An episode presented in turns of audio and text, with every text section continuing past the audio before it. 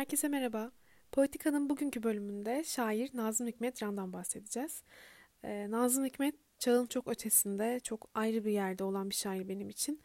Ee, Nazım Hikmet'in şiirleri ve şiir anlayışından bahsedebilmek için aslında Nazım Hikmet'in hayatını tam anlamıyla bilmek gerekiyor. Ee, her şair için elbette ki bu böyle ama Nazım Hikmet'i şair yapan, Nazım Hikmet'in şiirlerindeki bu e, tutkuyu, bu güzelliği yakalamamızı sağlayan şey aslında onun yaşantısı. E, Nazım Hikmet'in hiç kolay bir hayatı olmuyor.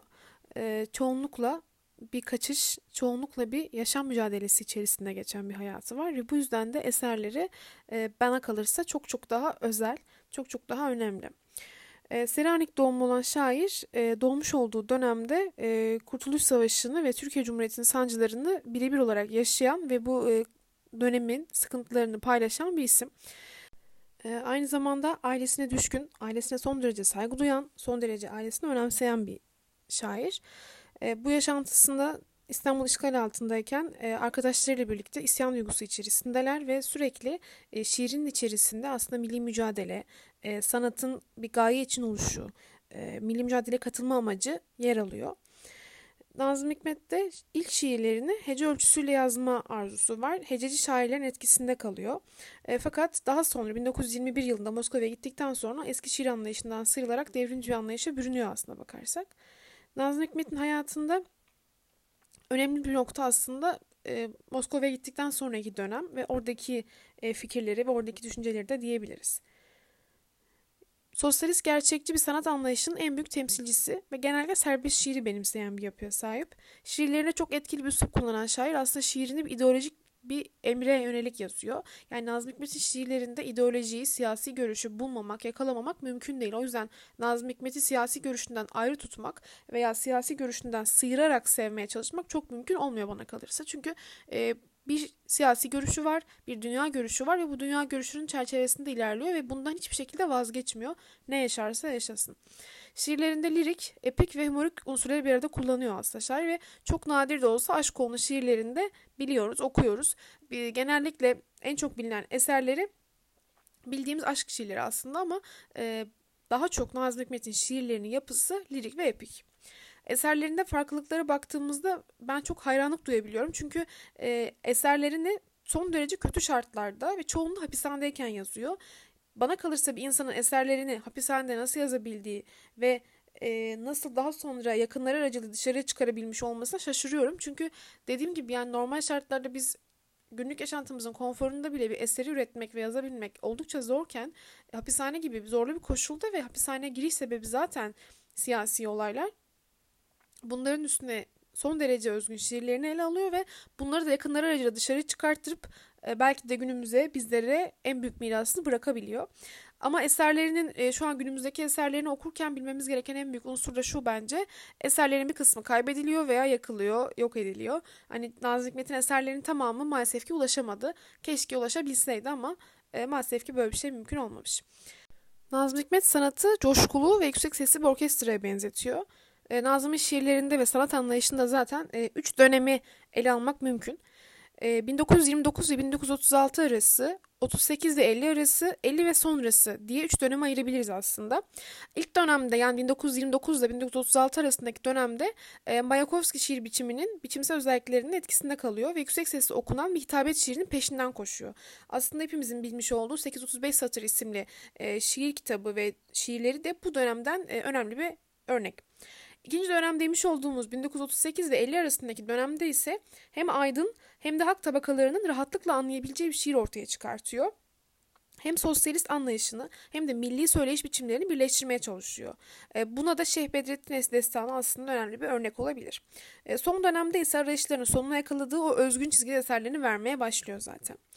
E, Nazım Hikmet'in hayatıyla ilgili olarak Vala Nurettin'e göre ise şöyle söylüyor aklına gelen bir mısrayı veya şiiri hemen yazdığını hatta ilham geldiğinde yazacak bir ka- kağıt bulamazsa bu mısraları duvarlara, pantolonlara bile yazarmış e, ve bunu şiirlerine de yazmıştır. Çünkü şöyle söylüyor Nazım Hikmet bir şiirinde. Şairim, şimşek şekillerini şiirlerimin caddelerde ıslık çalarak kazırım duvarlara.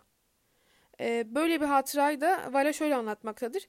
E, bir gün Nazım'la birlikte kahvede otururken Eva'ya Nazım'ın ceplerini karıştırdığını fark ediyor. O da garsondan kağıt istemek için kalkıyor. Fakat döndüğünde şaşkınlık içerisinde kalıyor. Çünkü e, o sırada olan oluyor. Nazım küçük bir kurşun kalemiyle hevesle almış olduğu yeni beyaz pantolonuna dizelerini not alıyor.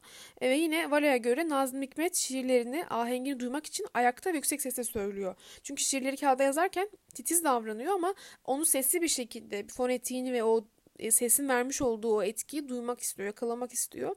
Hatta şiirdeki bir virgülün yerini değiştirmek için e, kağıdı yırtıp şiir tekrar yazıyor ve hiç üşenmiyor. E, çünkü hani şiiri gerçekten bir e, nakış işler gibi kağıda işlediğini anlatıyor genelde Vala. Eserler arasında daha çok bilinen 835 satır, Sesini Kaybeden Şehir, Gece Gelen Telgraf, Memleketinden İnsan Manzaraları, Kuvayi Milliye Destanı gibi eserler yer alıyor. Ee, Nazım Hikmet bir mektubunda cezaevindeki durumunu ve hayat felsefesini çok güzel ifade ediyor bana kalırsa. Ee, bu birazcık uzun ama bunu paylaşmak istiyorum sizlerle çünkü çok hoşuma gitmişti. Üç türlü yaşamak var. Birincisi yaşadığının farkında olmazsın. Yani yaşadığını, yaşamak denen hadiseyi bütün azametiyle idrak etmekten yaşarsın. Yani insanların büyük bir çoğunluğu gibi. İkincisi nerede olursan ol, hangi şartlar içinde bulunursan bulun, yaşamak bir saadettir senin için. Düşünmek, okumak, sevmek, dövüşmek, görmek, işitmek, çalışmak, hatta işkence etmek, nefret etmek. Bütün bu maddi ve manevi şeyler birer saadettir senin için. Yani bizzat yaşamak denen şey ne güzeldir. Bunun her an ve her şart içinde idrak edersin. Üçüncü yaşamaksa sadece bir vazifedir senin için. Bazen ölmek nasıl bir vazife olursa olsun yaşamak öyle bir vazifedir. Verilmiş bir sözü yerine getirmektir. Benim için yaşamak denen hadise ister hapiste olayım, ister dışarıda, ister sevgilimin eli elimde ay ışığını seyredeyim. İster hapishanedeki odamın tavanında yürüyen tahta kurusunu yaşamak bir saadetti. Hatta sanırım bizim Türk Edebiyatı'nda yaşamak ne güzel şey diyen ilk şair kulunuzdur. Şimdi iş değişti. Yaşamak benim için sadece bir vazife oldu. İşte bundan dolayı da korkunç, kahrolusu bir kuvvete ulaştım. Taşın, demirin, kuru tahtanın kuvveti.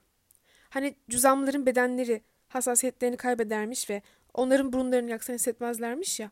İşte benim de ruhum, yani şuurum, yani beynim, cümleye yasabiyem o hale geldi. Artık ızdırap çekmeme imkan yok. Fakat şahsen saadet duymama da imkan yok. Hayatımda bu iki nesneyi attım. Tek kelimeye söylemek icap ederse fert olarak mevcut değilim. Sevgi, şefkat, merhamet, güzelin karşısında hayranlık falan filan gibi şeyler benden uzak. Gayet kuvvetliyim. İnsafsız, haşin, acı bir kuvvet değil. Çünkü bunlar da bir çeşit cümle asabi eşidir. Hassasiyet meselesidir. Sadece kör bir kuvvet, tabiat kuvveti gibi bir şey. Niye bu hale geldim? Zayıf bir insanken, sadece insanken. Ne kadar bahtiyardım. Şimdi bu insanlığı kaybettim. Bu bahtiyarlığı kaybettim. Niçin bu bahtiyarlığı kaybettim? Niçin böyle kuvvetli bir insan oldum? Bunun sebebi bir değil. Yığınla. Fakat yazmaya değmez.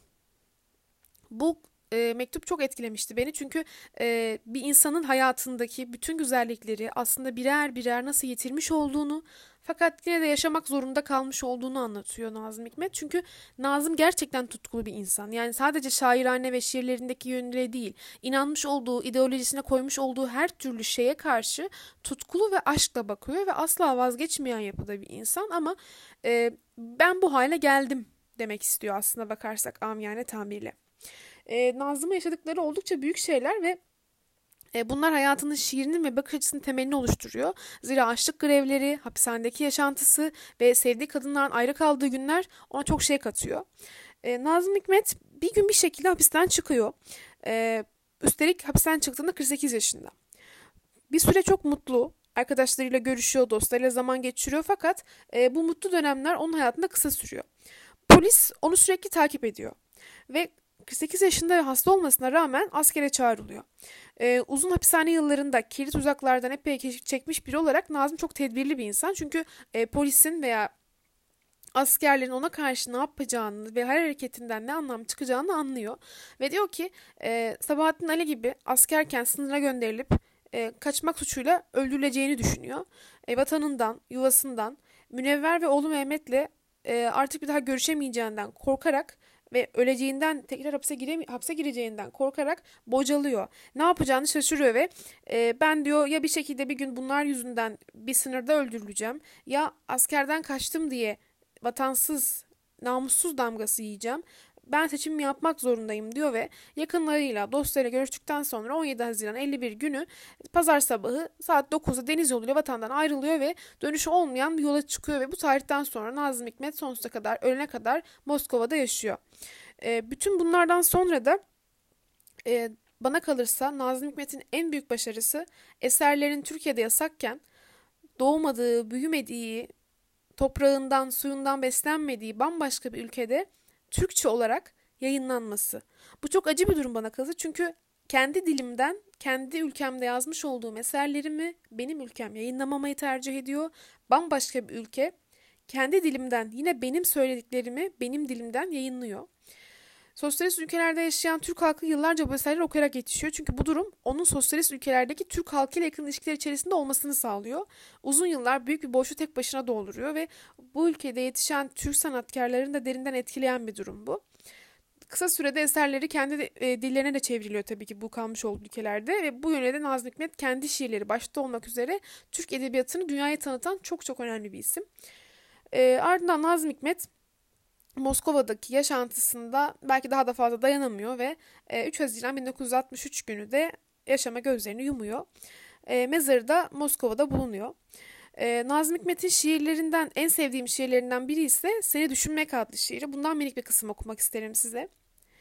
Seni düşünmek güzel şey, ümitli şey. Dünyanın en güzel sesinden en güzel şarkıyı dinlemek gibi bir şey. Fakat artık ümit yetmiyor bana. Ben artık şarkı dinlemek değil, şarkı söylemek istiyorum. Şiirlerinde daha çok e, Nazım Hikmet'in siyasi olguları ve epik figürleri yansıtmış olduğunu söylemiştik ama e, bakıldığında aşka yakın e, ve romantik şiirleri de elbette ki mevcut. Yine çok sevmiş olduğum bir şiiri var. Bu bence hayata karşı bir manifestosu niteliğinde Nazım Hikmet'in. Ben bunu çok ayrı bir yerde tutuyorum ve bana kalırsa bir başucu şiirde denilebilir. Yaşamaya dair. Yaşamak şakaya gelmez. Büyük bir ciddiyetle yaşayacaksın. Bir sincap gibi mesela. Yani yaşamanın dışında ve ötesinde hiçbir şey beklemeden. Yani bütün işin gücün yaşamak olacak. Yaşamayı ciddiye alacaksın. Yani o derecede öylesine. Mesela kolların bağlı arkadan, sırtın duvarda. Yahut kocaman gözlüklerin, beyaz gömleğinle bir laboratuvarda insanlar için ölebileceksin. Hem de yüzünü bile görmediğin insanlar için. Hem de hiç kimse seni buna zorlamamışken. Hem de en güzel, en gerçek şeyin yaşamak olduğunu bildiğin halde. Yani öylesine ciddi alacaksın ki yaşamayı, yetmişinde bile mesela zeytin dikeceksin. Hem de öyle çocuklara falan kalır diye değil. Ölmekten korktuğun halde ölüme inanmadığın için. Yaşamak yani ağır bastığından. Diyelim ki ağır ameliyatlık hastayız. Yani beyaz masadan bir daha kalkmamak ihtimali de var. Duymamak mümkün değilse de biraz erken gitmenin kederini biz yine de güleceğiz anlatılan Bektaşi fıkrasına. Hava yağmuru mu diye bakacağız pencereden. Yahut yine sabırsızlıkla bekleyeceğiz en son ajans haberlerini. Diyelim ki dövüşmeye değer bir şeyler için. Diyelim ki cephedeyiz. Daha orada ilk hücumla, daha o gün, yüzü koyun kapaklanıp ölmek de mümkün. Tuhaf bilinçle bileceğiz bunu. Fakat yine de çıldırasıya merak edeceğiz. Belki yıllarca sürecek olan bir savaşın sonunu. Diyelim ki hapisteyiz. Yaşımız da 50'ye yakın. Daha da 18 sene var açılmasına demir kapının. Yine de dışarıda beraber yaşayacağız. İnsanları, hayvanları, kavgası ve rüzgarıyla. Yani duvarın arkasındaki dışarıyla. Yani nasıl ve nerede olursak olalım hiç ölünmeyecek gibi yaşanacak. Bu dünya soğuyacak. Yıldızların arasında bir yıldız. Hem de en ufacıklarından. Mavi kadifede bir yaldız zerresi yani. Yani bu koskocaman dünyamız. Bu dünya soğuyacak günün birinde. Hatta bir buz yığını yahut ölü bir bulut gibi de değil. Boş bir ceviz gibi yuvarlanacak. Zifir karanlıkta, uçsuz bucaksız. Şimdiden çekilecek acısı bunun. Duyulacak masumluğu şimdiden. Böylesine sevilecek bu dünya yaşadım diyebilmen için. Şairin bu şiiri e, Şubat 48 senesinde yazılmış bir şiir. Aslında şair her ne kadar hapishanedeyken de hayatını sürdürdüğü diğer süreçlerde de yaşamanın artık onun için bir görev haline geldiğini söylese de bana kalırsa bu dizeleri yaşamı bir görev haline getiren bir insan yazamaz. Yani bu çünkü gerçekten hayatın her zerresinden tad almanın en somut örneği. E, ben yine e, ben de onun yaşama karşı olan bu savaşına, yaşayış mücadelesine her şeye rağmen, herkese rağmen inancına, tutkusuna, sabrına, e, bütün fikirlerini, bütün hislerini, aşklarını, sevgilerini, hırslarını her zaman savunduğu için e, çok büyük bir hayranlık besliyorum. Ve ölüm yıl dönümünde de onu saygıyla, hiç tanışmamış olmanın vermiş olduğu o buruk özlemle anıyorum.